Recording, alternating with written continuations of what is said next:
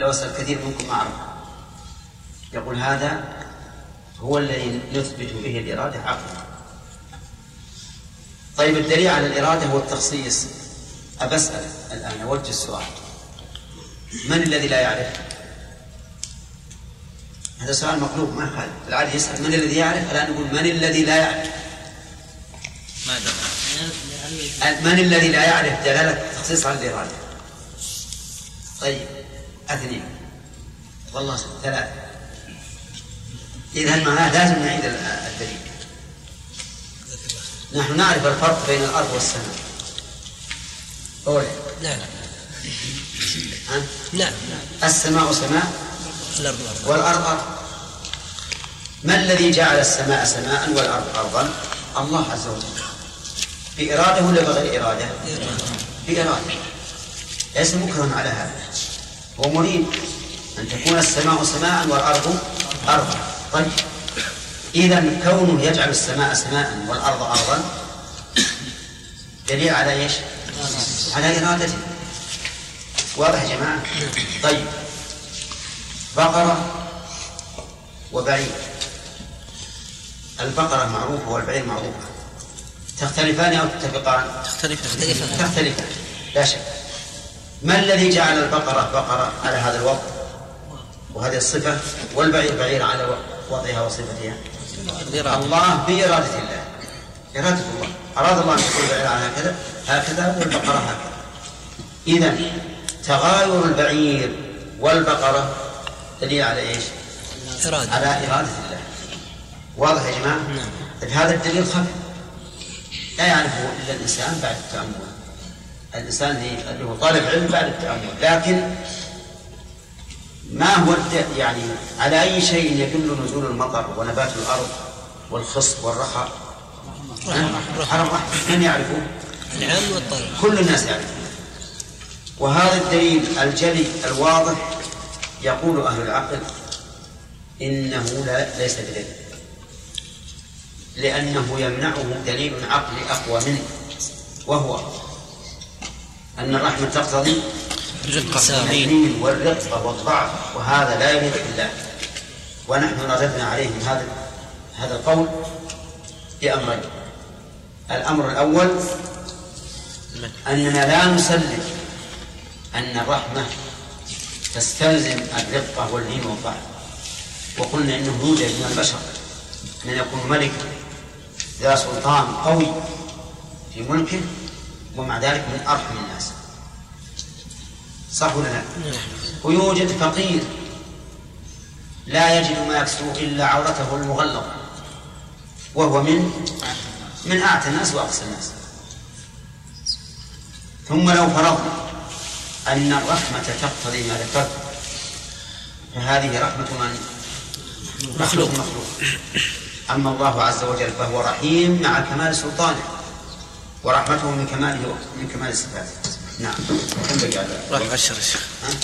نص الدرس. ها؟ نص الدرس. راح نصف الدرس؟ طيب، درس ونص. ها؟ سفريني. باقي نصف الدرس. طيب. عشان نقف على هذا وان شاء الله لازم نط- نطلب كل ما قد جاء في الدليل فثابت من غير ما تنفيذ من رحمة ونحوها كوجهه ويده وكل ما من نهجه وعينه وصفة النزول وخلقه فاحذر, فاحذر من النزول. فسائر بسم الله الرحمن الرحيم. قال المؤلف رحمه الله تعالى فكل ما قد جاء في الدليل فثابت من غير ما تمثيل من رحمة.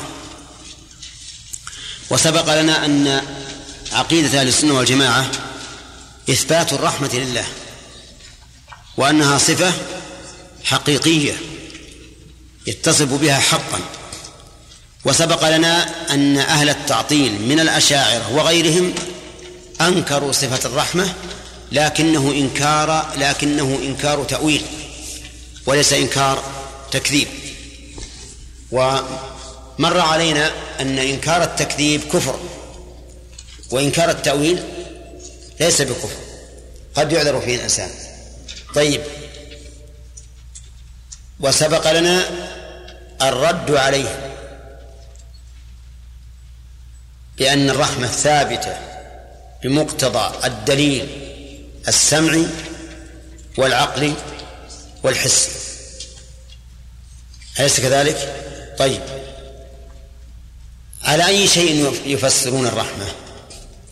قالوا إن المراد بالرحمة أحد أمرين إما الإحسان وإما إرادة الإحسان إما الإحسان وإما إرادة الإحسان. إذا فسروها بالإحسان فسروها بمفعول منفصل عن الله لا من صفاته. وإذا فسروها بالإرادة فسروها بصفة يقررونها لأنهم يثبتون لله سبع صفات. سبع صفات الحياة والعلم والقدرة والسمع والبصر والإرادة والكلام. فيثبتون الإرادة. فيفسرون الرحمة بإرادة الإحسان. فيقول الرحمن الرحيم يعني المريد للإحسان. أو يعني المحسن. فيفسرون الرحمة بلازمها ومقتضاها. ولا شك أن هذا تحريف. ونقول لهم إذا أثبتتم الإرادة فلماذا فلماذا لا تثبتون الرحمة؟ إذا قالوا إن الرحمة رقة ولين وضعف فقد سبق لنا الجواب عن هذا. وقلنا إن الجواب عن هذا بأحد أمرين أو بأمرين. الأمر الأول منع أن يكون أن تكون الرحمة دالة على الرقة واللين والضعف والثاني لو قدر أن هذا مقتضاها باعتبار رحمة المخلوق فإن ذلك لن يكون مقتضاها باعتبار رحمة الخالق. طيب. وقول المؤلف ونحوها. نحو الرحمة نأتي بمثال ويكفي. الحكمة. الحكمة ممنوعة عند أهل التعطيل. يقولون إن الله لا ليس له حكمة. لا فيما شرع ولا فيما خلق. قالوا لأن الحكمة غرض غرض. والله تعالى منزه عن الأغراض ومنزه عن الأعراض ومنزه عن الأبعاض فيقول القائل منهم في الثناء على الله سبحان من تنزه عن الأعراض والأغراض والأبعاض. يا له من كلام مسجون لكنه ممنوع. سبحان من تنزه عن الأعراض يعني عن الصفات والأغراض عن الحكمة والأبعاض عن اليد والوجه والعين وما أشبهها. طيب هم ينكرون الحكمة يقولون إن الله لا لا يفعل الشيء لحكمة. ولكنه لمجرد المشيئة. شاء أن يفعله ففعله. شاء أن لا يفعل فلم يفعل. أما أن يكون لحكمة وغاية محمودة فهذا لا يمكن. لماذا؟ قال لأن الحكمة غرض والغرض فيه منفعة لصاحب الغرض أو جلب أو دفع مضرة. والله سبحانه وتعالى لا يحتاج إلى المنفعة ولا, ولا, ولا إلى دفع المضرة ولا شك أن هذا القول من أنكر الأقوال. وفيه بالحقيقة سلب صفة عن الله من أجل الصفات وهي الحكمة. وعلى قولهم يكون الله تعالى قد خلق السماوات والأرض باطلا ويكون قد خلق الإنسان سدى. وقد شرع الشرائع عبثا. وكل هذا يكذبه القرآن. قال الله تعالى أفحسبتم أنما خلقناكم عبثا وأنكم إلينا لا ترجعون. ولو كان خلق الخلق لغير حكمة لكان عبثا. وقال تعالى وما خلقنا السماوات والأرض وما بينهما لاعبين ما خلقناهما إلا بالحق. وقال تعالى وما خلقنا السماوات والأرض وما بينهما باطلا. ذلك ظن الذين كفروا. فويل للذين كفروا من النار. وإذا قدر أن الغرض دفع منفعة جلب منفعة أو دفع مضرة فإنما هذا بالنسبة لمن؟ ها؟ بالنسبة للمخلوق. أما الخالق فلا. على أننا نمنع أن يكون هذا مضطردا في المخلوق. فقد يريد الإنسان الشيء لجلب منفعة لغيره أو دفع مضرة عن عن غيره. أليس كذلك؟ فلو وجد الإنسان شخصا غريقا في الماء ونزل لإنقاذه فهل له منفعه؟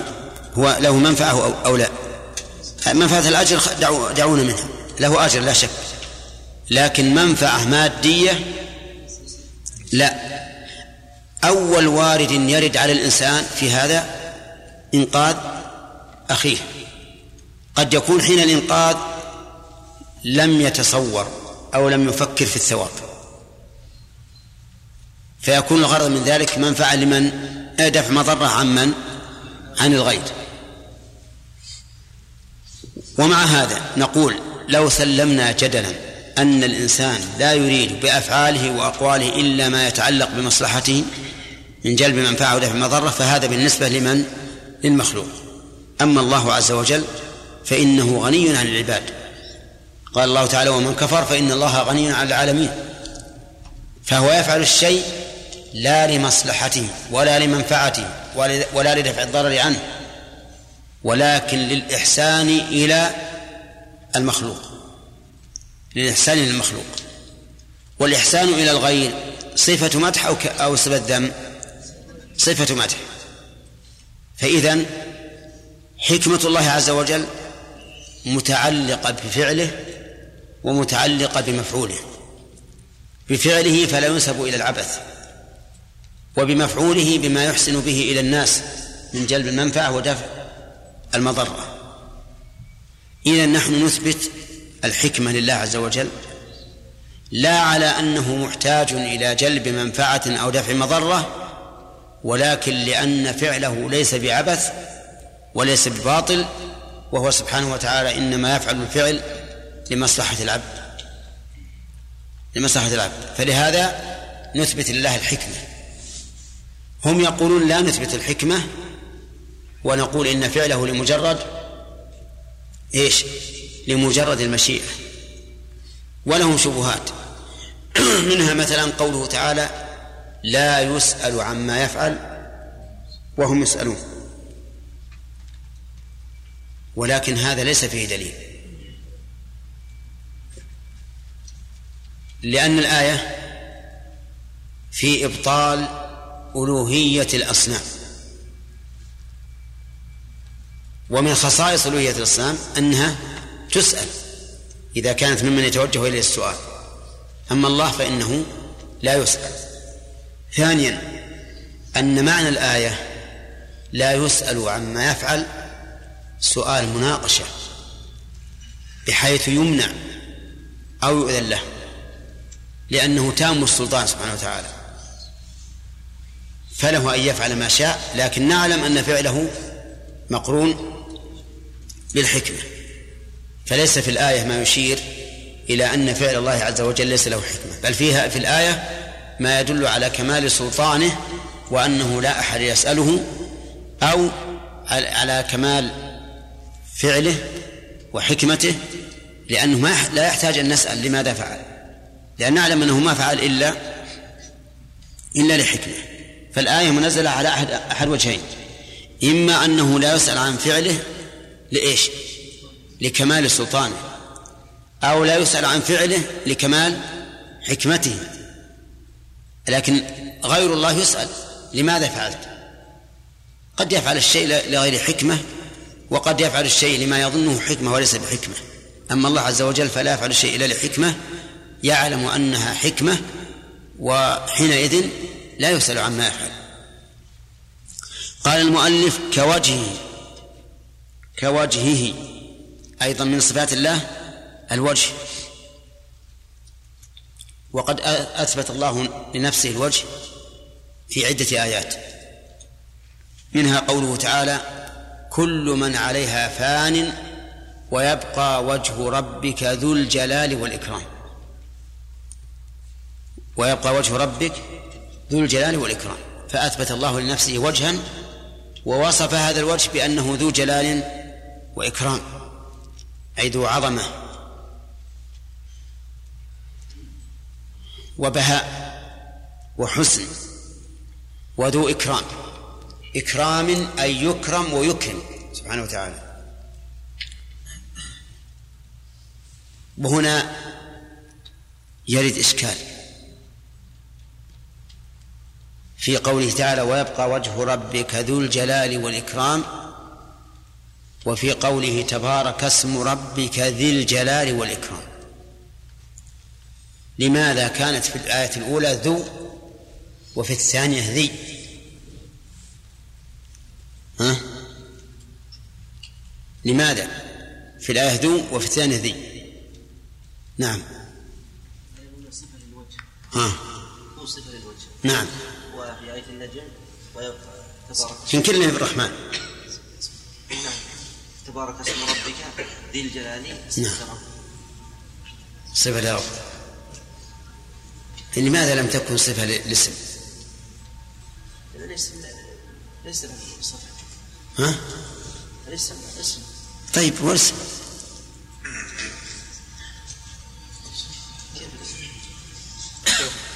أحمد؟ لأنه صفة للذات مو للاسم. يعني لا يصح أن يوصف الاسم بأنه ذو جلال وأكرام. الاسم اسم ما هو ما هو مسمى؟ بخلاف الوجه. طيب وقال الله تعالى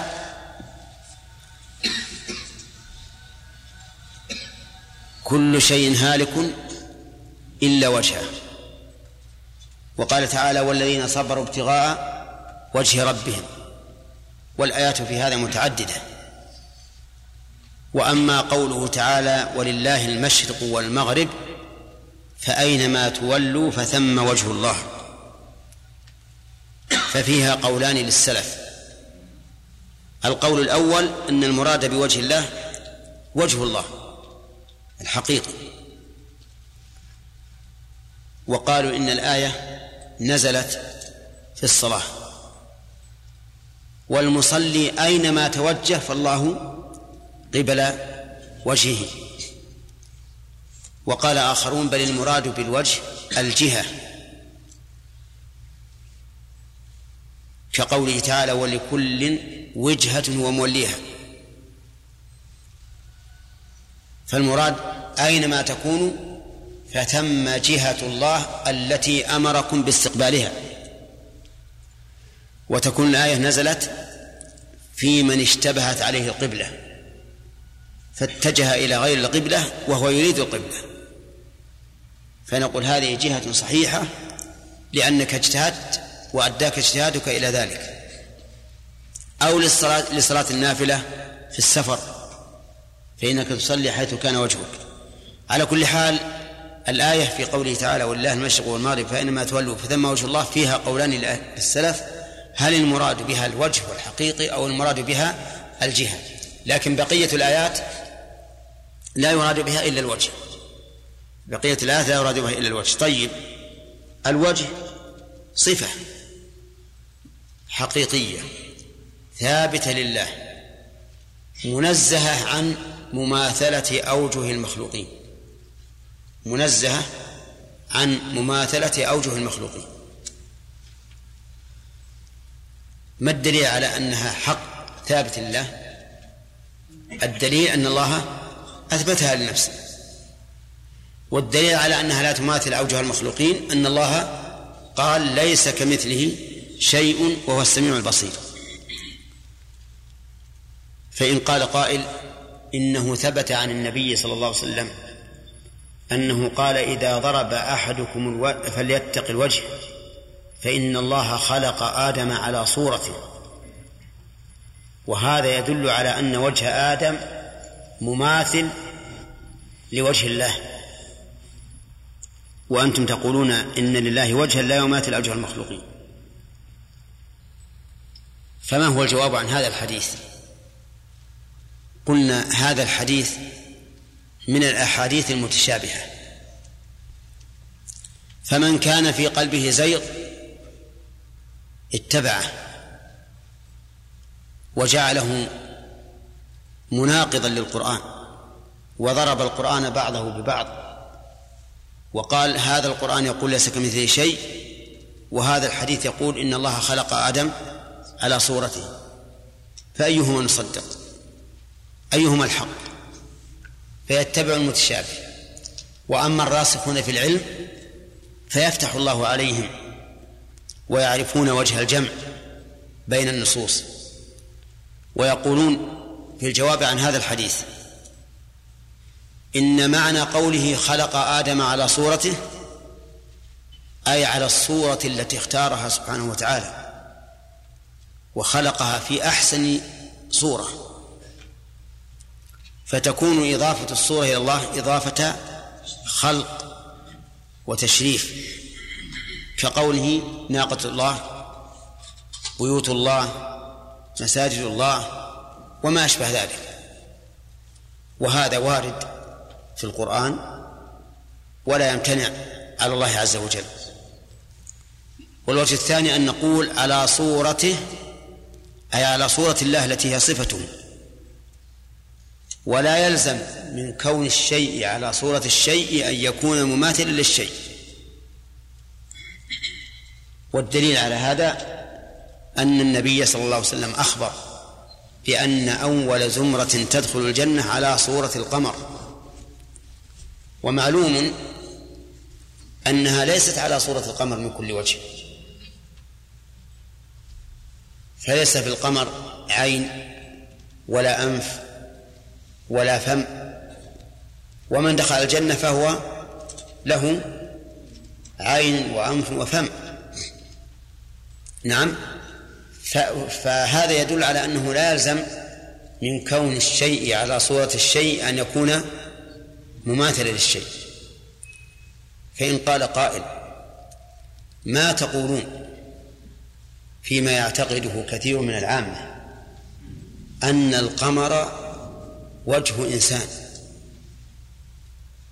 وأن فيه عينين وشفتين ومنخرين وأن المرأة إذا صعدت إلى السطح يجب عليها أن تحتجب عنه لأنه وجه آدم. فما تقولون في هذا؟ ها؟ صحيح ولا غير؟ هذا غير صحيح. ولهذا الآن يسأل النساء اللاتي في عدة الوفاة يسألن كثيرا هل يجوز للمرأة أن تشاهد القمر وهي محادة؟ سؤال حقيقي يعني مشكل عليهم. نعم. والظاهر أنه مبني على هذا على أن القمر وجه إنسان. على كل حال هذا غير وارد. لكني ذكرته لأجل التحذير من هذه من مثل هذه العقائد الفاسدة. فصارت فصار قولنا إن الله خلق آدم على صورته. لا ينافي قولنا إننا نثبت لله وجها لا يماثل أوجه المخلوقين. طيب هذه الصفة هل هي معنوية؟ الجواب لا ليست معنوية ولكنها موافقة لمسمى هو منا إيش؟ أبعاض وأجزاء. فالوجه بالنسبة لنا بعض منا لكن بالنسبة لله لا نقول إنه بعض. لأن البعض في اللغة ما جاز انفكاكه عن أصله وانفصاله عنه. ومثل هذا في صفات الله لا يمكن. في صفاتنا يمكن. يمكن إنسان يقطع يده يمكن يقطع رأسه لكن بالنسبة لله عز وجل ما يمكن. فلهذا نقول إن هذه الصفات صفات خبرية مسماها بالنسبة لنا. بالنسبة لنا لازم نقيد هذا. أبعاض وأجزاء. نعم. ها؟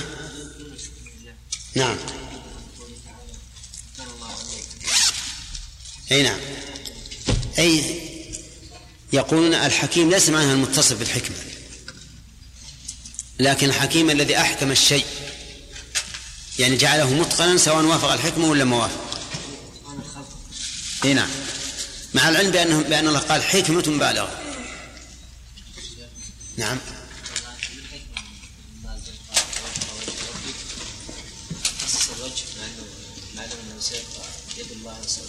سيبقى كله كل الله عز وجل. لكن القرآن بالأسلوب العربي. القرآن بالأسلوب العربي. والغالب في صفات الثناء أن تضاف إلى الوجه. الغالب في صفات الثناء أن تضاف إلى الوجه. فلهذا صفة البقاء لا شك أنها صفة ثناء. فأضيفت إلى وجه الله. بعض يقول يا وجه الله ها. يعني يسألون الله بوجهه. ما في بأس. لا هم يريدون يا وجه الله يتوسلون إلى الله تعالى بصفة من صفاته. ليسوا ينادون الوجه على اعتبار أنه منفصل عن الله. ما يريدون هذا إطلاقا. لو تسأل العامي ما قال ما أردت هذا. لكن نقول يا وجه الله يعني أنني أتوسل إلى الله تعالى بوجهه مثل قوله برحمتك أستغيث الاستغاثة بالله. لكن هذا من باب التوسل بالرحمة. نعم. القول الأول بالنسبة لمن خلق آدم على صورته نعم. خلقه على الصورة التي خلق عليها وإنما أضيف إلى الله سبحانه وتعالى اسم التشريف نعم. هذا أقوال أهل السنة؟ لا لا لا لا. ما هو على صورة آدم؟ ما نقول خلق آدم على صورة آدم. هذا شيء معلوم. نقول خلق خلق آدم على صورة الرحمن. على صورة الرحمن. فالضمير يعود على الرحمن على كل حال. أما الذين قالوا أن الضمير يعود على آدم فهذا يبقى الكلام لغوا. كل شيء مخلوق على صورته. حتى الكلب خلقه الله على صورة الكلب. لكن معنى على صورة الرحمن لكن لماذا أضيفت الصورة إلى الرحمن؟ لأنه خلقها واعتنى بها عز وجل وجعلها صورة أحسن صور المخلوقات. بسم الله الرحمن الرحيم. قال رحمه الله تعالى فكلما قد جاء في الدليل فثابت من غير ما تمثيل من رحمة ونحوها كوجهه ويده وكل ما من نهجه وعينه وصفة النزول وخلقه فاحذر من النزول. بسم الله الرحمن الرحيم. تقدم لنا الكلام على الرحمة وأن مذهب السلف أهل السنة والجماعة أن الرحمة صفة حقيقية ثابتة لله عز وجل وأنها ليست الإحسان ولا إرادة الإحسان. بل الإحسان وإرادته من آثار الرحمة. وسبق لنا الكلام أيضا على قوله ونحوها. ومثلنا بماذا؟ بالحكمة. وبينا أنها صفة ثابتة لله عز وجل وأن السلف وأهل السنة يثبتونها لله سبحانه وتعالى ويرون أنها من أكمل الصفات. والذين أنكروها احتجوا بحجج واهية وهي عموم المشيئة. عموم المشيئة وأنه لا يسأل عما يفعل وهم يسألون. ولكن عموم المشيئة مقيدة بالحكمة لقوله تعالى وما تشاءون إلا أن يشاء الله إن الله كان عليما حكيما. طيب. وقال المؤلف كوجهه. أيضا تكلمنا عن الوجه وذكرنا أن الوجه صفة حقيقية ثابتة لله وليست هي الثواب. ليست هي الثواب كما ادعاه أهل التعطيل. فقالوا ويبقى وجه ربك أي ثوابه. لأن هذا تحريف للكلمة عن مواضعه. فالثواب لا يوصف بأنه ذو جلال وإكرام. الثواب نعم إذا كان لا ينقطع كثواب الجنة لكنه لا يوصف بأنه ذو جلال وإكرام. بل وجه الله سبحانه وتعالى هو الذي يوصف بالجلال والإكرام. وأيضا فإن الرسول صلى الله عليه وسلم قال أعوذ بنور وجهك الذي أشرقت له السماوات والأرض وصلح عليه أمر الدنيا والآخرة. فقال بنور وجهك الذي إيش؟ أشرقت له السماوات والأرض وهذا لا يمكن أن يكون أن يكون للثواب. المهم أن الذين فسروه بالثواب أخطأوا الطريق وضلوا عنه. وحرفوا الكلمة عن مواضعه فجمعوا بين العدوان والجهل والضلال. بين الجهل والضلال حيث وصفوا الثواب بما لا يصح إلا لوجه الله. والعدوان على إيش؟ على النصوص حيث حرفوها عن مواضعها بشبهة هي شبهة شبهة ليست بحجة. يقولون لو أثبتنا لله وجها لكان جسما. لو أثبتنا لله وجها لكان جسما. وجوابنا على ذلك سهل سهل جدا. أن نقول أأنتم أعلم أم الله؟ إن قالوا نحن أعلم كفروا. وإن قالوا الله أعلم نقول إن الذي هو أعلم هو الذي وصف نفسه بأن له وجها. فلماذا تنكرون ما وصف به نفسه؟ طيب. ثم نقول إن تفسير الوجه بالثواب أو نحوه مخالف لظاهر اللفظ وإجماع السلف. والواجب علينا في الأمور في, الخب في الأمور الخبرية هو اتباع إيش؟ اتباع النص والأخذ بظاهره واتباع السلف في هذا لأن العقول ليس لها مجال في هذا الباب. طيب. الوجه ذكرنا أنه من الصفات الخبرية وليس من الصفات المعنوية. من الصفات الخبرية لأن الله أخبر عنه. ولم يكن له مستند إلا الخبر المحض. ولولا إخبار الله أن له وجها ما عرفنا أن له وجها. عرفتم؟ طيب. لكن نقول إنه ليس معنويا. ليس معنويا. يعني ليس كالقوة والعزة والحكمة. يعني معنى من المعاني. بل هو حقيقة أخرى. نظير مسماها بالنسبة لنا إيش؟ أبعاض وأجزاء. فالوجه بعض منه لكننا لا نطلق كلمة بعض على الله أو على شيء من صفاته لأن البعض ما جاز انفصاله عن الكل. وهذا بالنسبة لصفات الله أمر مستحيل. طيب.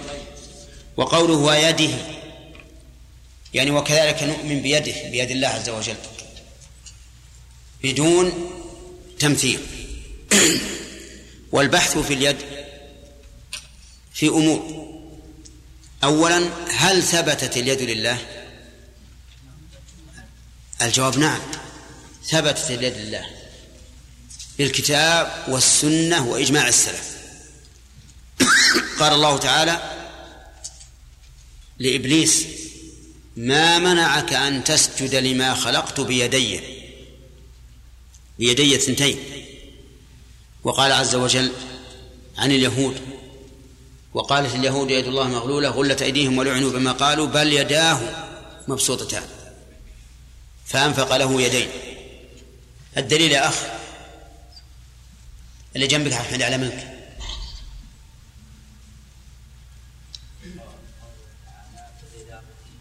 طيب والآية الثانية؟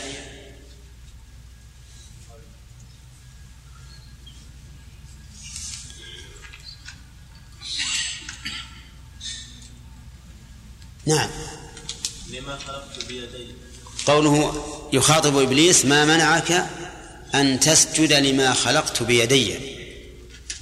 انتبهوا يا جماعة. أنا لا أحب أن أمثلكم بمن قال الله فيهم ومنهم من يستمع إليك حتى إذا خرجوا من عندك. ها؟ قالوا للذين أوتوا العلم ماذا قال انفا أنا إن شاء الله أحاشيكم عن هذا. لكن أخشى أن يستولي الشيطان عليكم فتحضرون بأبدانكم دون قلوبكم. انتبهوا. طيب إذا ثبتت بالقرآن. السنة قال النبي صلى الله عليه وسلم يد الله ملأى. يد الله ملأى سحا. الليل والنهار. أرأيتم ما أنفق منذ خلق السماوات والأرض؟ فإنه لم يغض ما في يمينه. وقال إن الله يبسط يده بالليل, ليتوب مسيء النهار ويبسط يده بالنهار ليتوب مسيء الليل. فقوله في الأول يد الله ملأى سحا. ملأى يعني فيها الخير الكثير. سحا معطاء تعطي. وذلك لأن اليد قد تكون خالية فلا يمكن العطاء منها. وقد تكون ملأى ويكون صاحبها بخيلا فإذا كانت ملأى ولكنه لا ينفق صارت سحة ولا غير سحة غير سحة وإذا لم يكن فيها شيء فلا إنفاق لأنها خالية. فيد الله سبحانه وتعالى ملأى سحة دائما تعطي الليل والنهار. ومع ذلك فإنه لم يغض ما في يمينه لم ينقص. طيب. أما إجماع السلف فهذا أمر معلوم. أمر معلوم. ولكن إذا قال لنا, لنا قائل كيف الطريق إلى العلم به؟ وهذه نبهتكم عليها سابقا. لأنه قد يتعذر أن تجد نقلا عن السلف وخصوصا الصحابة بأنهم أثبتوا اليد الله نصا. يصعب عليك. فكيف فكيف يكون طريق الإجماع في هذا؟ قلت لكم إن القرآن نزل باللسان العربي الذي يفهمه الصحابة. فإذا لم يأتي عنهم ما يخالف هذا القرآن فهم مجمعون عليه. لأنهم لو فهموا أن المراد خلاف ما جاء به لكان ينقل عنه.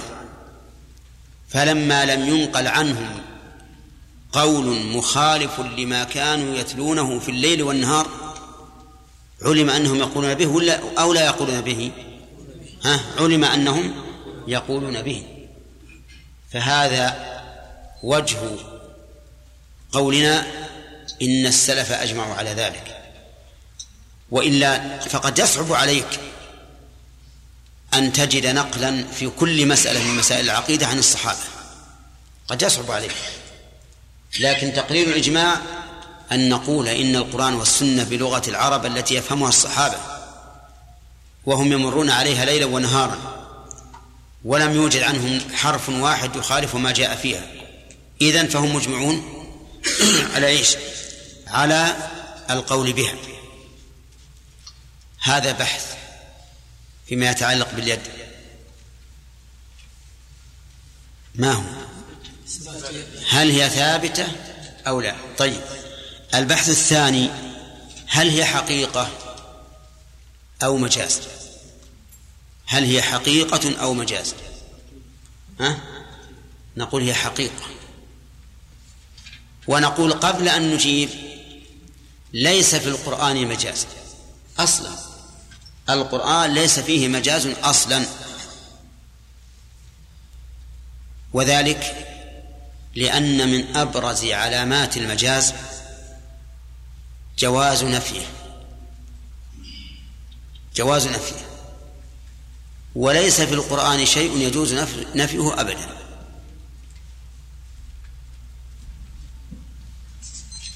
واضح هذا ولا غير واضح؟ ها؟ غير واضح. طيب. إذا قلت رأيت أسدا يحمل حقيبته رأيت أسدا يحمل حقيبته ويحفظ درسه. أسدا. تعني به إيش؟ طالبا شجاعا صح ولا لا؟ طيب. فإذا قال لك المخاطب هذا ليس بأسد هذا بشر. ليس بأسد. صح كلامه أو, أو لم يصح؟ إذا نفينا. إذا نفينا. فالمجاز يصح نفيه. وليس في القرآن شيء يصح نفيه. وهذا الدليل دليل واضح.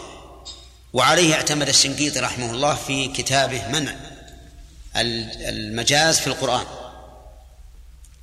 ولكن شيخ الإسلام ابن تيمية وتلميذه ابن القيم رحمهما الله ذهب إلى أبعد من ذلك وقال ليس في اللغة العربية مجاز.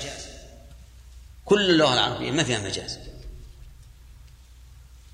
والمجاز الذي ادعاه من ادعاه طاغوت أرادوا به أن يحرفوا آيات الصفات وأحاديثها عما أراد الله بها ورسوله.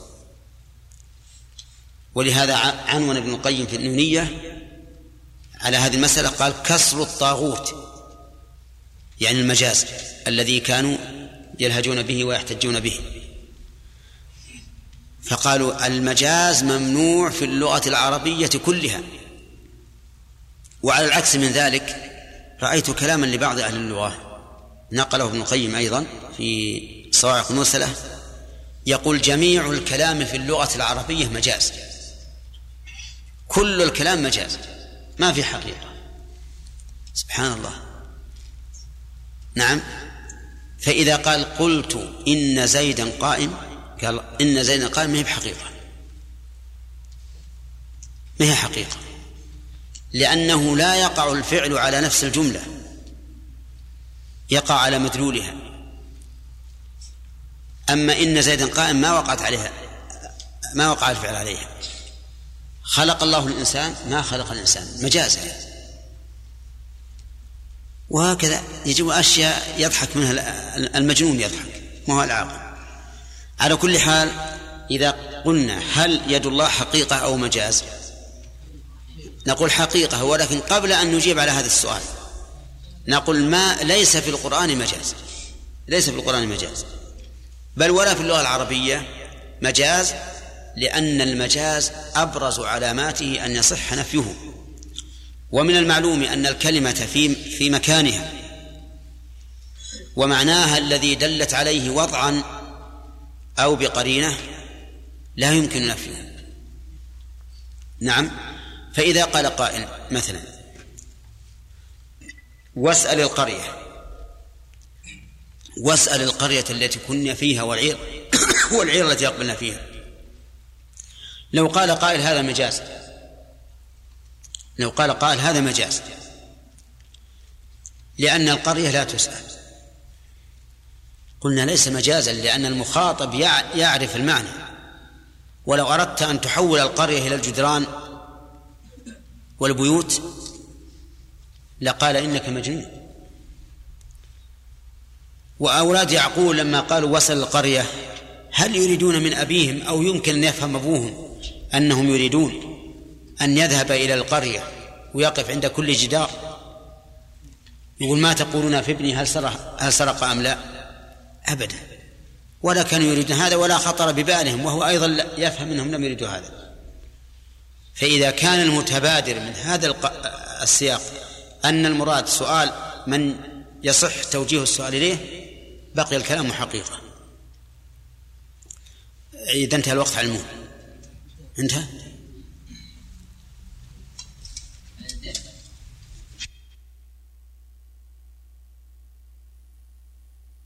وعلى آله وصحبه أجمعين. قال رحمه الله تعالى فكلما قد جاء في الدليل فثابت من غير ما تمثيل من رحمة ونحوها كوجهه ويده وكل ما من نهجه وعين بسم الله الرحمن الرحيم. قال المؤلف رحمه الله في ذكر الأمثلة التي جاء بها الدليل من صفات الله عز وجل. اليد اليد وأظن تكلمنا عن مباحث فيها. المبحث الأول هل هي حقيقية أو غير حقيقية؟ ذكرنا أنها إيش؟ حقيقية. لأن الأصل في الكلام الحقيقة. حتى عند عند القائلين بأن في بأن هناك حقيقة ومجازا يرون أن الأصل في الكلام حقيقة. وهنا إذا حملنا النصوص في اليد على حقيقتها لم يلزم منه محذور. لا في ذات الله ولا في صفاته. فأي محذور أن تقول لله يد حقيقية بها يأخذ ويقبض ويبسط ولكنها لا تشبه أيدي المخلوقين؟ لا محذور في الواقع. طيب البحث الثاني. ها؟ طيب الأدلة ذكرناها من الكتاب والسنة وإجماع السلف وذكرنا كيف يمكن أن نقول إن السلف مجمعون. وما طريق هذا الإجماع؟ وقلنا إن القرآن والسنة جاء بكلام العرب الذي عليه الصحابة رضي الله عنهم فإذا لم يرد عنه ما يخالف نصوص الكتاب والسنة فإننا نعلم أنهم يقولون بها لأنهم يتلونها ويقرونها. طيب البحث الرابع الثالث. لا نعم حقيقية والنصوص البحث الثالث هل اليد واحدة أو متعددة؟ والجواب على ذلك أنها متعددة. فلله تعالى أكثر من يد. فإذا قال قائل يا خالد بن حسينين إذا قال قائل كم لله من يد؟ نقول له يدان اثنتان. يدان اثنتان. الدليل قوله تعالى وهو يتمدح بكمال القدرة. ما منعك أن تسجد لما خلقت بيدي؟ بيدي. ولو كان له أكثر من واحد من اثنتين لقال بأيدي. لأن الأكثر أبلغ في القدرة من الأقل. فلما قال في مقام التمدح بالقدرة والقوة والتشريف لآدم لما قال بيدي علم أنه إيش؟ ليس له إلا يدان اثنتان. ولما قالت اليهود يد الله مغلولة قال غلت أيديهم ولعنوا بما قالوا بل يداه مبسوطتان. وهذا في مقام الثناء على الله بكثرة العطاء. ولو كان له أكثر من واحد من اثنتين لذكرها. لأن المعطي بثلاث أكثر من المعطي باثنتين. ولكن الكمال كله لله عز وجل باليدين الثنتين. وإذن فلله تعالى كم؟ ها؟ يدان اثنتان. طيب فإن قال قائل قد جاءت النصوص بأن لله يدا واحدة. كقوله تعالى تبارك الذي بيده الملك وكقول النبي صلى الله عليه وسلم يد الله ملأ يد الله واحدة ملأ سح الليل والنهار فكيف تجمع؟ بين النصوص. ولماذا لم تقل إن له يدا واحدة؟ نقول من المقرر عند العلماء في الاستدلال أنه إذا جاء دليلان أحدهما فيه زيادة أخذ بالزائد ولا بالناقص؟ بالزائد. لأن الأخذ بالزائد أخذ بالناقص وزيادة. ولو اقتصرت على الأخذ بالناقص لألغيت الزيادة التي جاء بها الزائد. وهذا خطأ. فنقول النصوص الدالة على اثنتين فيها زيادة فيؤخذ بها. طيب فإذا قال قائل هل يلزم من أخذك بالزيادة وأن تجعل الله اثنتين؟ أن تهدر دلالة اليد التي جاءت بالإفراد. فأقول ها؟ لا يلزم. لا يلزم. وذلك لأن اليد التي جاءت مفردة جاءت مضافة. يد الله ملأ بيده الملك جاءت مضافة. والمفرد إذا أضيف يكون عاما يكون عاما. فيشمل كل ما لله من يد ولو زادت على الواحدة.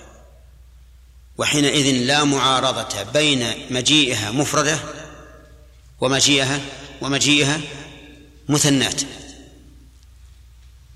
فإن قال أين الدليل على أن المفرد إذا أضيف كل العموم؟ فأقول الأدلة كثيرة ومنها قوله تعالى يا بسام إيش الجلسة دي؟ منها قوله تعالى وإن تعدوا نعمة الله لا تحصوها. هل هي نعمة واحدة ولا أكثر؟ ها؟ تعد لا تحصوا. الواحدة محصاة ولا غير محصاة؟ ها؟ محصاة. لكن لما قال لا تحصوها علم أنه يشمل نعم عظيمة كثيرة. أفهمت الآن؟ طيب. فإذا قال قائل أنت أصلت قاعدة وألزمتنا بها ونحن نقبلها وهو أنه إذا جاءت النصوص بزائد وناقص أخذ بالزائد. ونحن نلزمك بناء على هذه القاعدة أن تجعل لله أكثر من يدين لأن الله تعالى يقول أولم يروا أنا خلقنا لهم مما عملت أيدينا أنعاما. ويقول والسماء بنيناها بأيد وإنا لموسعون. فأثبت الله أكثر من من اثنتين أكثر من اثنتين. طيب فأقول قد ذكرنا أن اليدين الثنتين ذكرتا في مقام التمدح والثناء.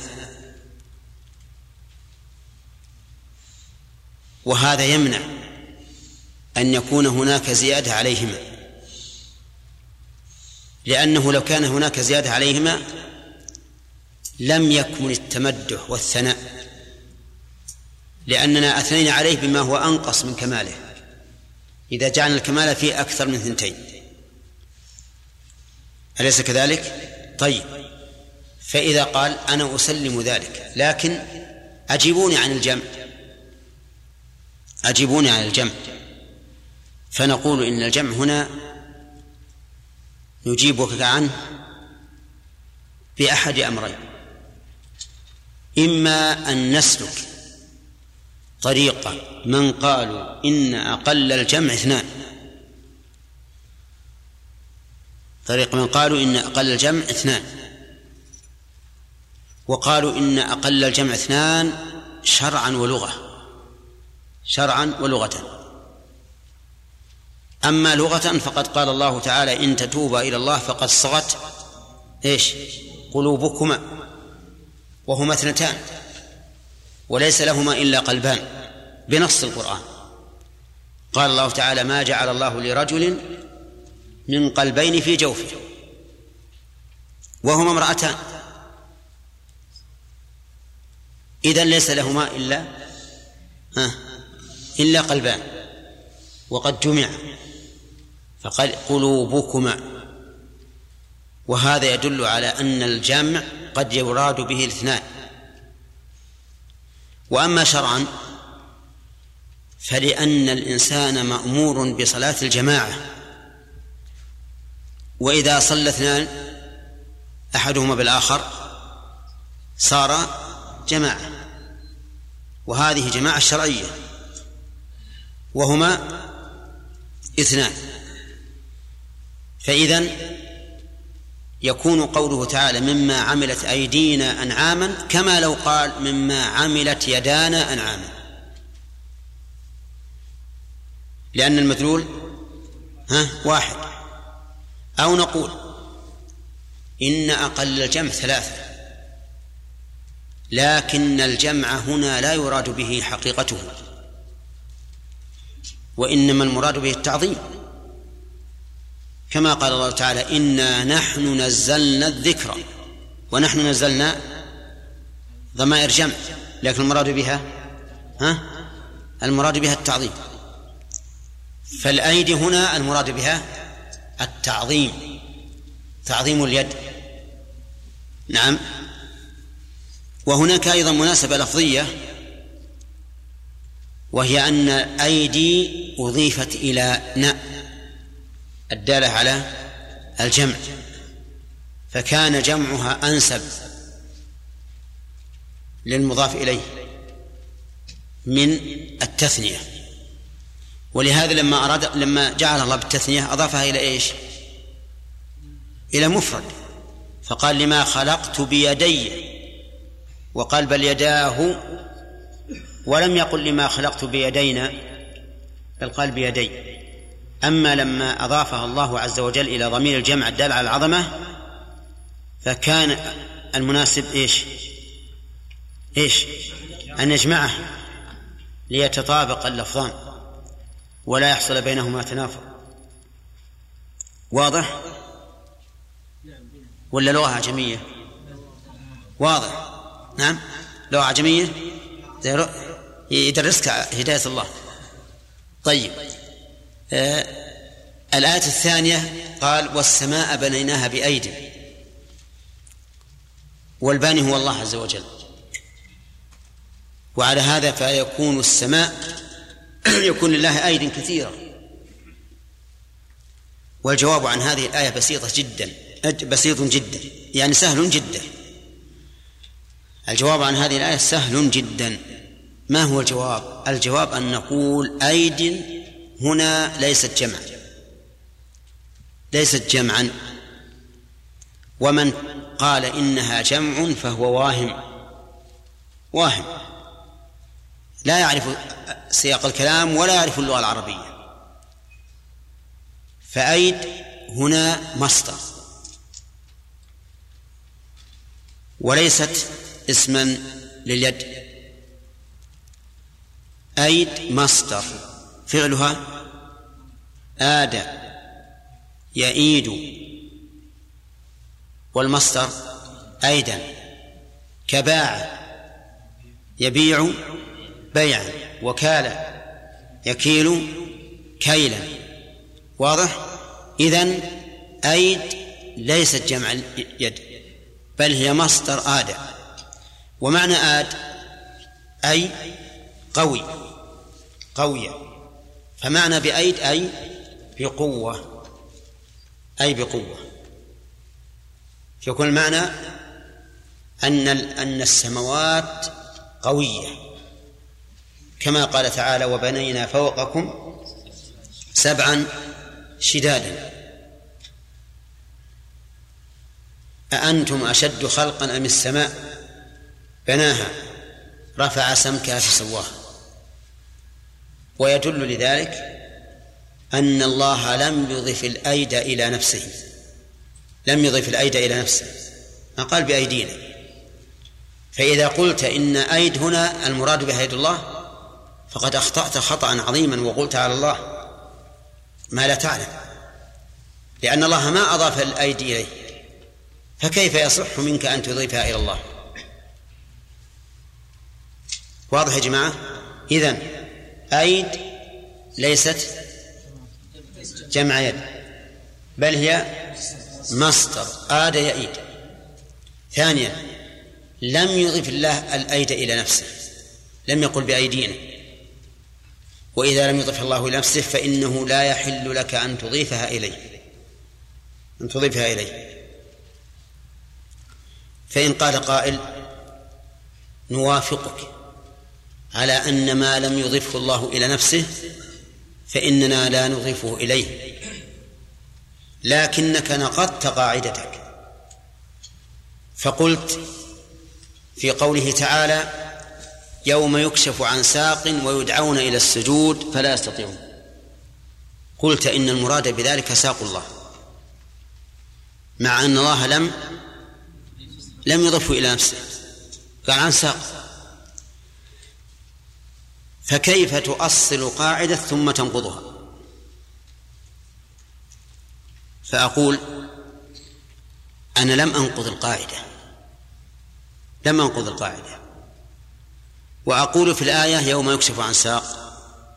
يحتمل أن يراد بذلك ساق الله ويحتمل أن يراد بالساق الشدة. وقد قال بهذين القولين السلف. فليس علي جناح إذا قلت إن المراد بالساق في قوله تعالى يوم يكشف عن ساق إن المراد به الشدة. يعني يوم تتبين الشدة. ويكشف عنها حتى تظهر تظهر كما يكشف عن الوجه حتى يتبين. فيكشف عن ساق يعني يزال المانع من ظهور الشدة حتى تظهر. فإذا قلت بهذا فإنه لا يصح أن تورد علي هذه الآية. صحيح ولا غير صحيح؟ لأنها جارية على القاعدة ولا لا؟ على القاعدة. أنا لا لم أضف الساق إلى الله لأن الله ما أضافه إلى نفسه. بل المراد بالساق هو إيش؟ الشدة. ولو ذهبت إلى أن المراد بالساق ساق الله فإنني لم أذهب إلى ذلك إلا بدليل كما هو القول الثاني للسلف في الآية. الدليل حديث أبي سعيد الطويل وفيه أن الله يأتي عز وجل فيكشف عن ساقه فيسجد له كل من كان يسجد لله تعالى في الدنيا. فإن سياق الحديث يجاري سياق الآية تماما. فتحمل الآية على ما جاء في الحديث. وتكون إضافتنا الساق لله في الآية بناء على إيش؟ بناء على الحديث. ومن المعلوم أن الحديث يفسر القرآن. وبهذا تكون قاعدة مضطردة ليس فيها نقل تمام الآن؟ باقي بحوث في اليد ولكن انتهى الوقت. نعم. نعم. أقل الجم واحد ما قال به أحد إلا أحمد البخور في صباح هذا اليوم. ها؟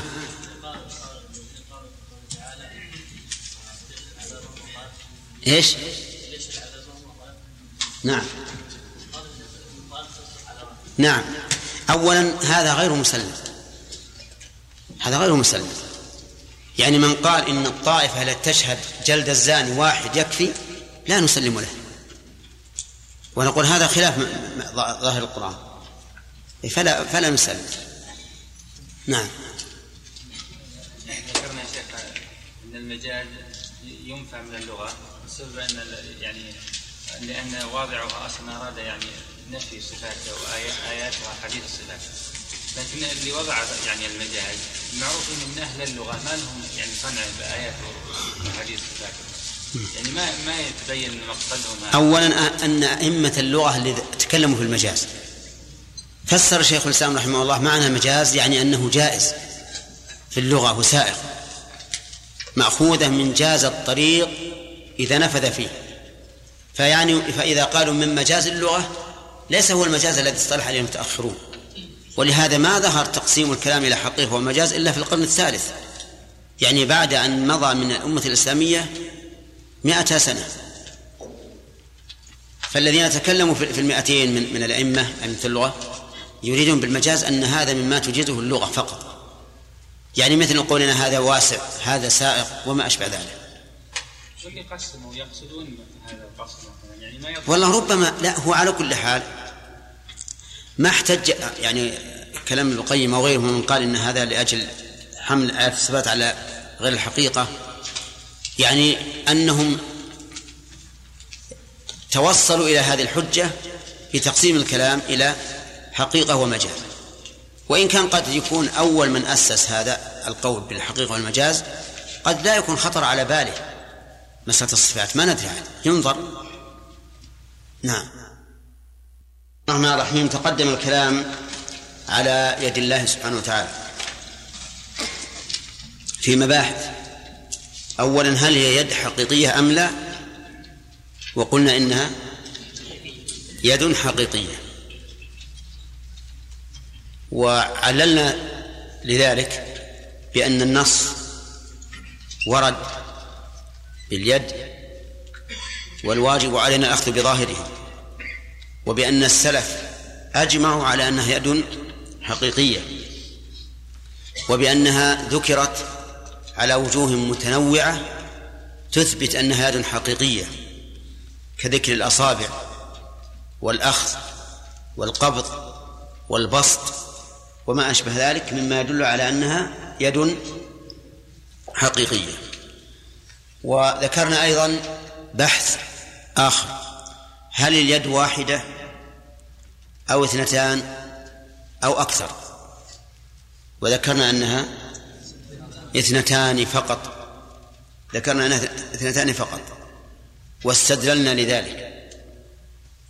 وأجبنا عن الإفراد وأجبنا عن الجمع.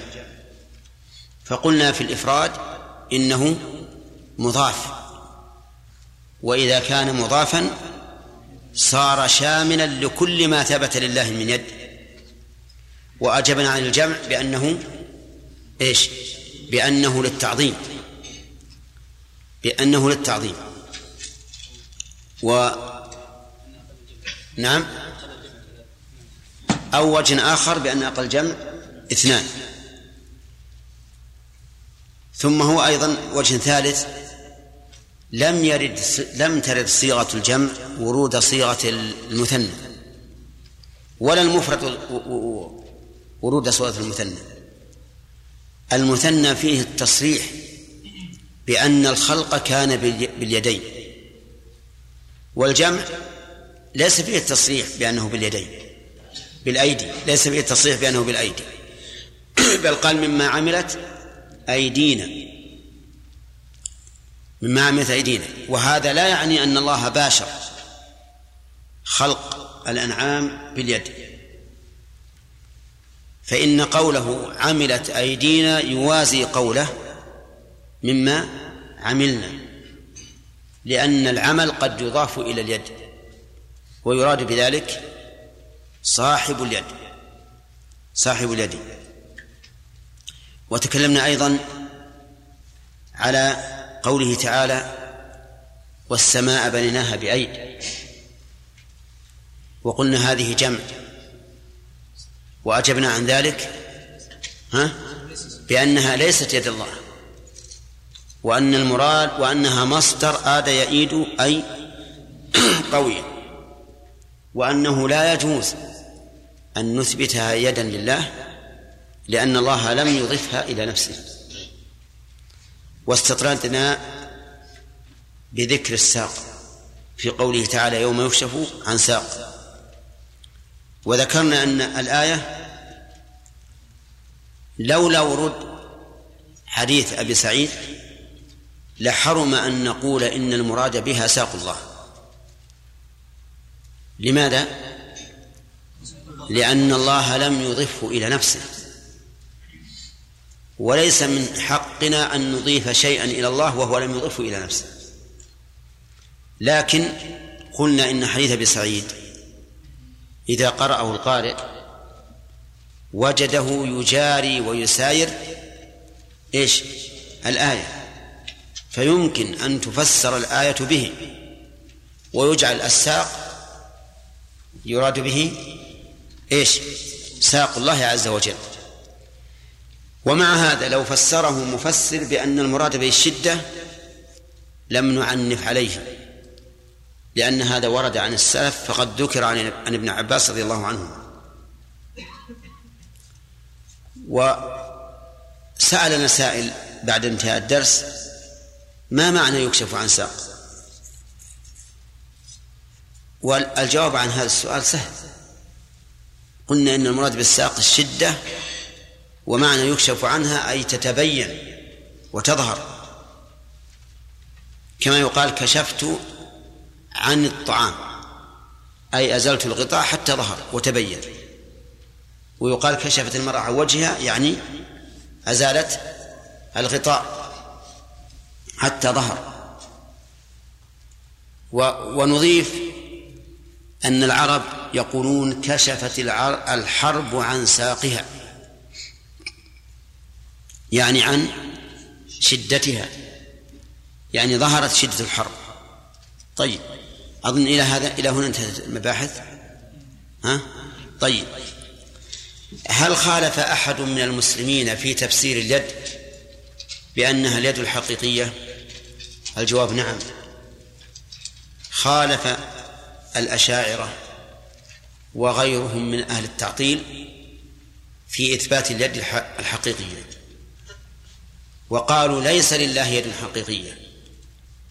ومن أثبت لله يدا حقيقية فقد شبه الله بخلقه فهو كافر. اليد الحقيقية حرام أن تثبتها لله. لو أثبتها لله أثبتت أن الله جسم وأثبتت أن له أبعاضا. وهذا حرام. الله يقول لا تضربوا لله الأمثال. وأنت الآن إذا أثبتت يدا حقيقية فقد ضربت له الأمثال. وقال ليس كمثله شيء وإذا أثبت له يدا حقيقية كذبت مقتضى هذا الخبر وجعلت لله مثيلا. إذا ما المراد بها؟ قال المراد باليد النعمة. ألم تسمع إلى قول الشاعر وكم لظلام الليل عندك من يد تحدث أن المانوية تكذب وكم لظلام الليل عندك من يد تحدث أن المانوية تكذب المانوية قوم من المجوس يقولون إن إن الظلمة تخلق الشر ولا خير فيها وأنت يقول لممدوحه أنت تنعم ليلا ونهارا فكم لظلام الليل عندك من يد أي من نعمة. تحدث أن المانوية الذين يقولون الظلمة كلها شر تكذب. وكذلك قال مندوب قريش لأبي بكر رضي الله عنه لولا يد لك علي لم أجزك بها لأجبتك. لولا يد لك علي لم أجزك بها لأجبتك معنى يد أي نعمة ومنة. فالمراد بيد الله نعمته ومنته. أو المراد بها القوة. المراد بها القوة والقدرة. لأنه يقال ما لهذا ي... ما لهذا بهذا يد أي طاقة وقدرة. ومنه حديث النواس بن سمعان الطويل. في قصة يأجوج ومأجوج أن الله تعالى يوحي إلى عيسى بن مريم إني قد أخرجت عبادا لا يدان لأحد بقتالهم. المعنى لا قدرة ولا قوة لأحد بقتالهم. فالمراد باليد إما القدرة والقوة أو النعمة وهذه شواهدها. هذه شواهدها. فما الجواب عن هذه الشبهة؟ نقول الجواب ولله الحمد واضح. أما قولكم إن إثبات اليد الحقيقية يستلزم التمثيل فقول باطل. قول باطل بنص القرآن. لأن الذي قال ليس كمثله شيء هو الذي قال بل يداه مبسوطتان. وإذا قلتم إنه لا يدان له لزم من هذا أن يكون القرآن يكذب بعضه بعضا. إذا قلتم إن إثبات اليدين يستلزم التمثيل لزم أن يكون القرآن يكذب بعضه بعضا. وهذا لا تقولون به أنتم. ثانيا أن نقول إنه لا يلزم من إثبات اليد أن تكون مماثلة ليد المخلوق. كما أنكم تثبتون لله ذاتا ولا ترون من اللازم أن تكون مماثلة لإيش؟ لذوات المخلوقين. والصفات يحذى بها حذو الذوات. وأنتم الآن نسألكم بالله ألكم أيدي؟ سيقولون نعم لنا أيدي. طيب هل أيديكم تشبه أيدي الفيلة والقردة؟ يمكن القردة يمكن يدعون المشابهة لكن الفيلة. سيقولون لا. إذا لا يلزم من إثبات اليد لله عز وجل أن تكون مماثلة لأيدي المخلوقين كما لا يلزم من إثبات يدك أنت أن تكون مماثلة ليد الفيل. واضح؟ طيب فلا يلزم من اتفاق الشيئين في الاسم أن يتفقا في المسمى في حقيقته إذن دعواهم أن إثبات اليد يستلزم التمثيل باطل بالشرع والعقل والحس. ولا لا؟ بالشرع في القرآن. أثبت الله له اليدين ونفى المماثلة. بالعقل كما أثبتتم ذاتا لا تشبه الذوات أو لا تماثل الذوات فيلزم أن تثبتوا صفات لا تماثل الصفات بالحس المشاهد. كما تثبتون لأنفسكم أيديا حقيقية وللفيلة أيديا حقيقية ولا ولا تتماثل فهذا دليل حسي واضح. طيب. وأما دعواكم أن المراد باليد القدرة أو النعمة فهذا يكذبه النص يكذبه النص. فإن الله تعالى يقول لإبليس ما منعك أن تسجد لما خلقت بيدي؟ اسمع يا قصي. إذا جعلنا اليد بمعنى القوة أو القدرة فإنه لا حجة على إبليس بهذا. لماذا؟ لأنه هو أيضا مخلوق بالقدرة. هو مخلوق بالقدرة. والله عز وجل ذكر ذلك احتجاجا عليه. احتجاجا عليه. وإذا كان الله ذكر ذلك احتجاجا عليه أي على إبليس دل هذا على أنه على أن اليد ليست هي القدرة. ثانيا أن نقول جاءت اليد بصيغة التثنية. فهل قدرة الله قدرتان؟ ما الجواب؟ لا. ليست قدرة الله تعالى قدرتين بل قدرة الله معنى واحد شامل لكل شيء. وهو على كل شيء قدير. فكيف يصح أن تقول إن لله قدرتين؟ وكذلك نقول لمن قال بالنعمة لا يمكن أن تحصل النعمة بنعمتين وإن تعدوا نعمة الله لا تحصوها. فدل ذلك على بطلان تفسيرها بالقدرة أو بالنعمة. وأما ما استشهدوا به فلأن في السياق ما يمنع أن يكون المراد باليد اليد الحقيقية. نعم. وقد نقول إن المراد باليد اليد الحقيقية في نفس ما استشهدوا به. وذلك لأن النعمة والإحسان والمنة في الغالب يناول باليد باليد فيكون من باب التعبير بالسبب عن عن المسبب. فإذا نمنع الاستشهاد بأمرين. أولا بوجود قرينة تدل على أن المراد كذا وثانيا بإبقاء المستشهد به على حقيقته ولكنه عبر بالسبب عن عن المسبب. طيب. وقد علمتم أن السلف مجمعون على أن المراد باليد اليد الحقيقية وعلى هذا فنقول وتفسيركم هذا لليد مخالف لإجماع السلف فلا يعول عليه. وأما قولكم إن إثبات اليد يستلزم التبعيض في الخالق فهذا نحتاج فيه إلى تفصيل. نقول لا يمكن أن نطلق على شيء من صفات الله إنها بعض لأن البعض ما جاز ما جاز أن يفارق الكل. وصفات الله عز وجل لازمة أزلية أبدية. فيده أزلية أبدية وكذلك وجهه وعينه وغير ذلك من صفاته الخبرية. هي صفات أزلية أبدية لا يمكن أبدا أن تتبعض. وهذا شيء معلوم بالمعقول.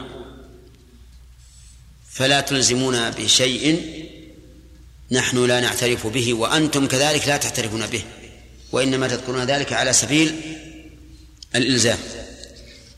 والله أعلم. نعم.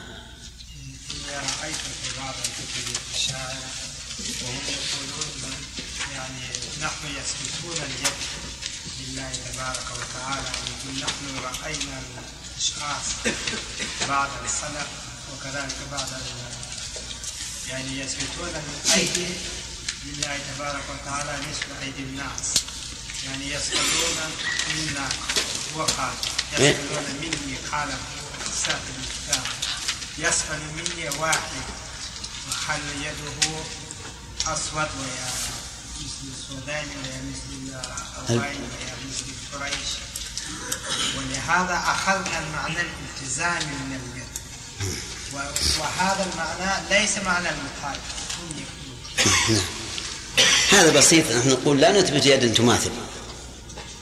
نثبت يد لا تماثل. يعني ولا نقول هي سوداء أو بيضاء. هذا حرام. يعني هذا حرام. أي نعم وإذا أخذنا من اللفظ هذا معنى الالتزام. أصله ما يلزم. لظهور الفرق بين الخالق والمخلوق. الالتزام لو كان هناك مناسبة بين الخالق والمخلوق. أنا إذا قلت مثلا فلان له يد وفلان من البشر أعرف أن يد الرجل هذا مثل يد الرجل الآخر لأن الجنس واحد.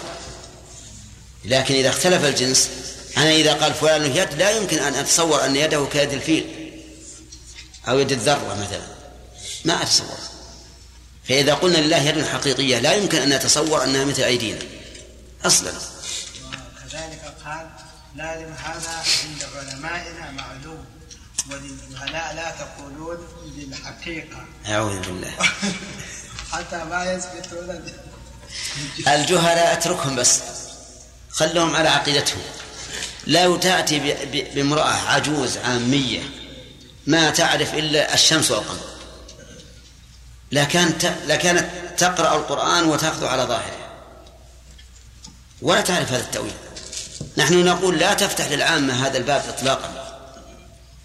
ولهذا ينبغي لطالب العلم وانتبهوا لهذا إنه مسائل الصفات لا لا يبحث فيها عند العامة.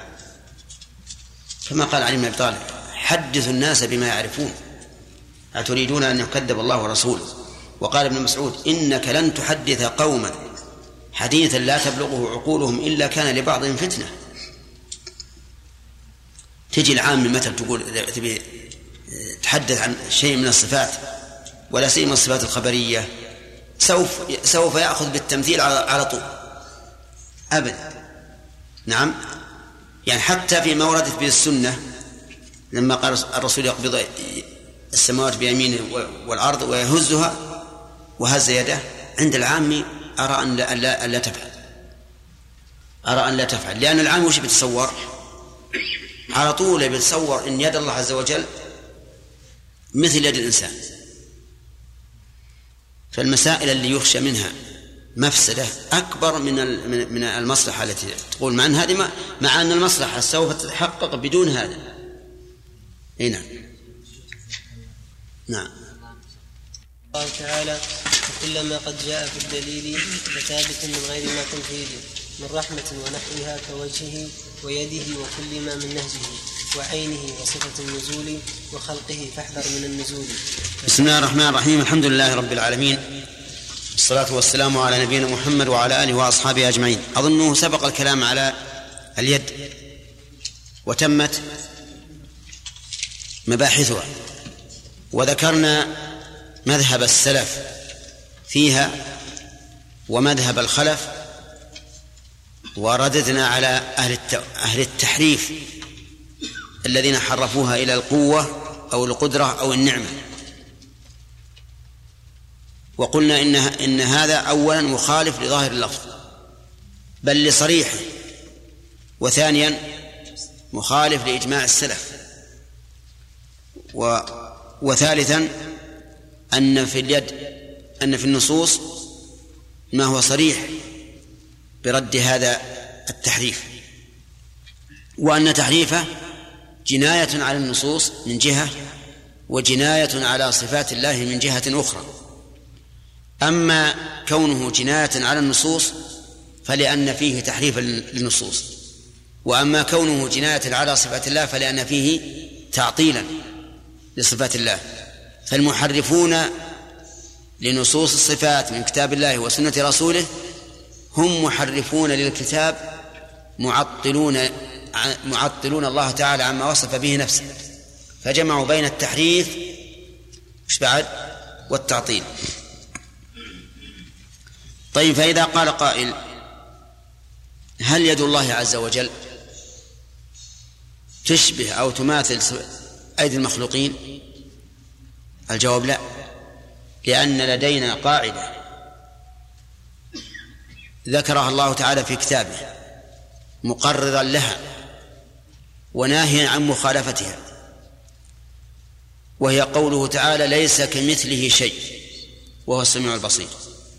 فقال ليس كمثله هذه القاعدة. وقال فلا تضربوا لله الأمثال. يعني لا تمثل الله بخلقه. طيب ثم قال المؤلف وكل ما من نهجه أي طريقه.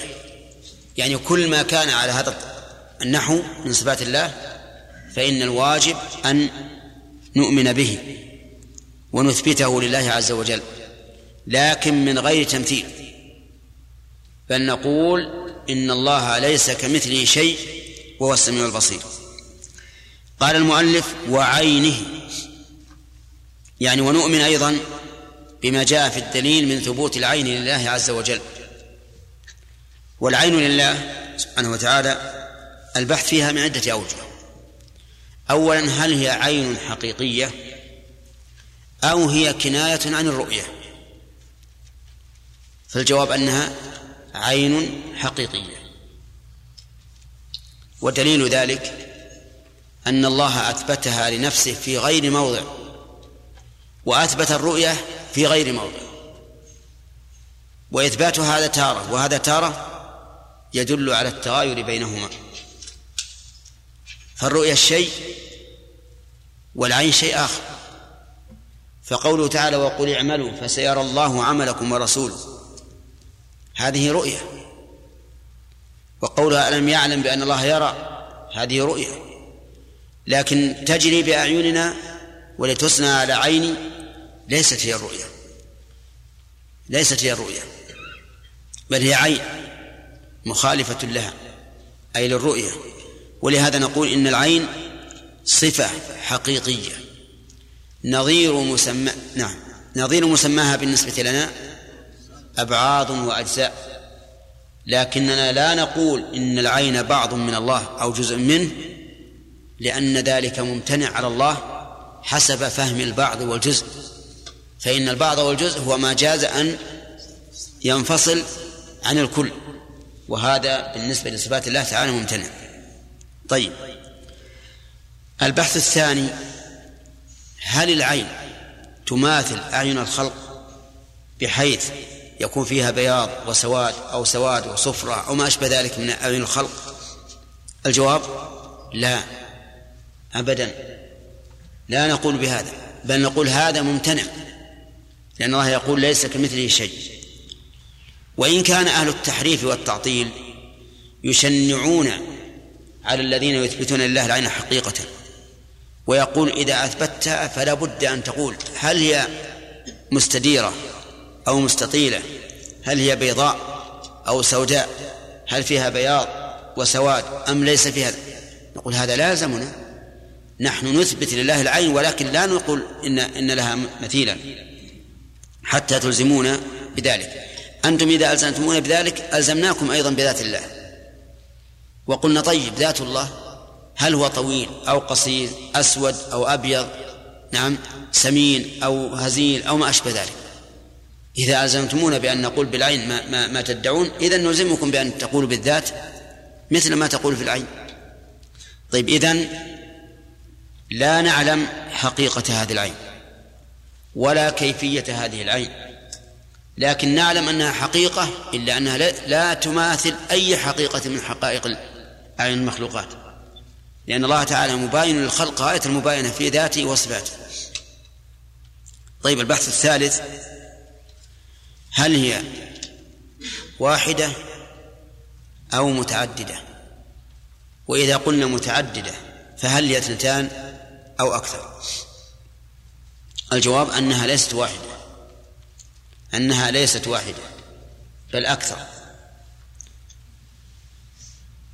وهي قد جاءت بلفظ الإفراد وجاءت بلفظ الجمع. ولم تأتي في القرآن بلفظ التثنية كما جاءت اليد. فمن مجيئها بلفظ الإفراد قوله تعالى لموسى وألقيت عليك محبة مني ولتصنع على عيني. ولتصنع على عيني. هذه مفرد ومن مجيئها بلفظ الجمع قوله تعالى عن سفينة نوح تجري بأعيننا. اسمعني يا شاكر؟ وش أنا أقول؟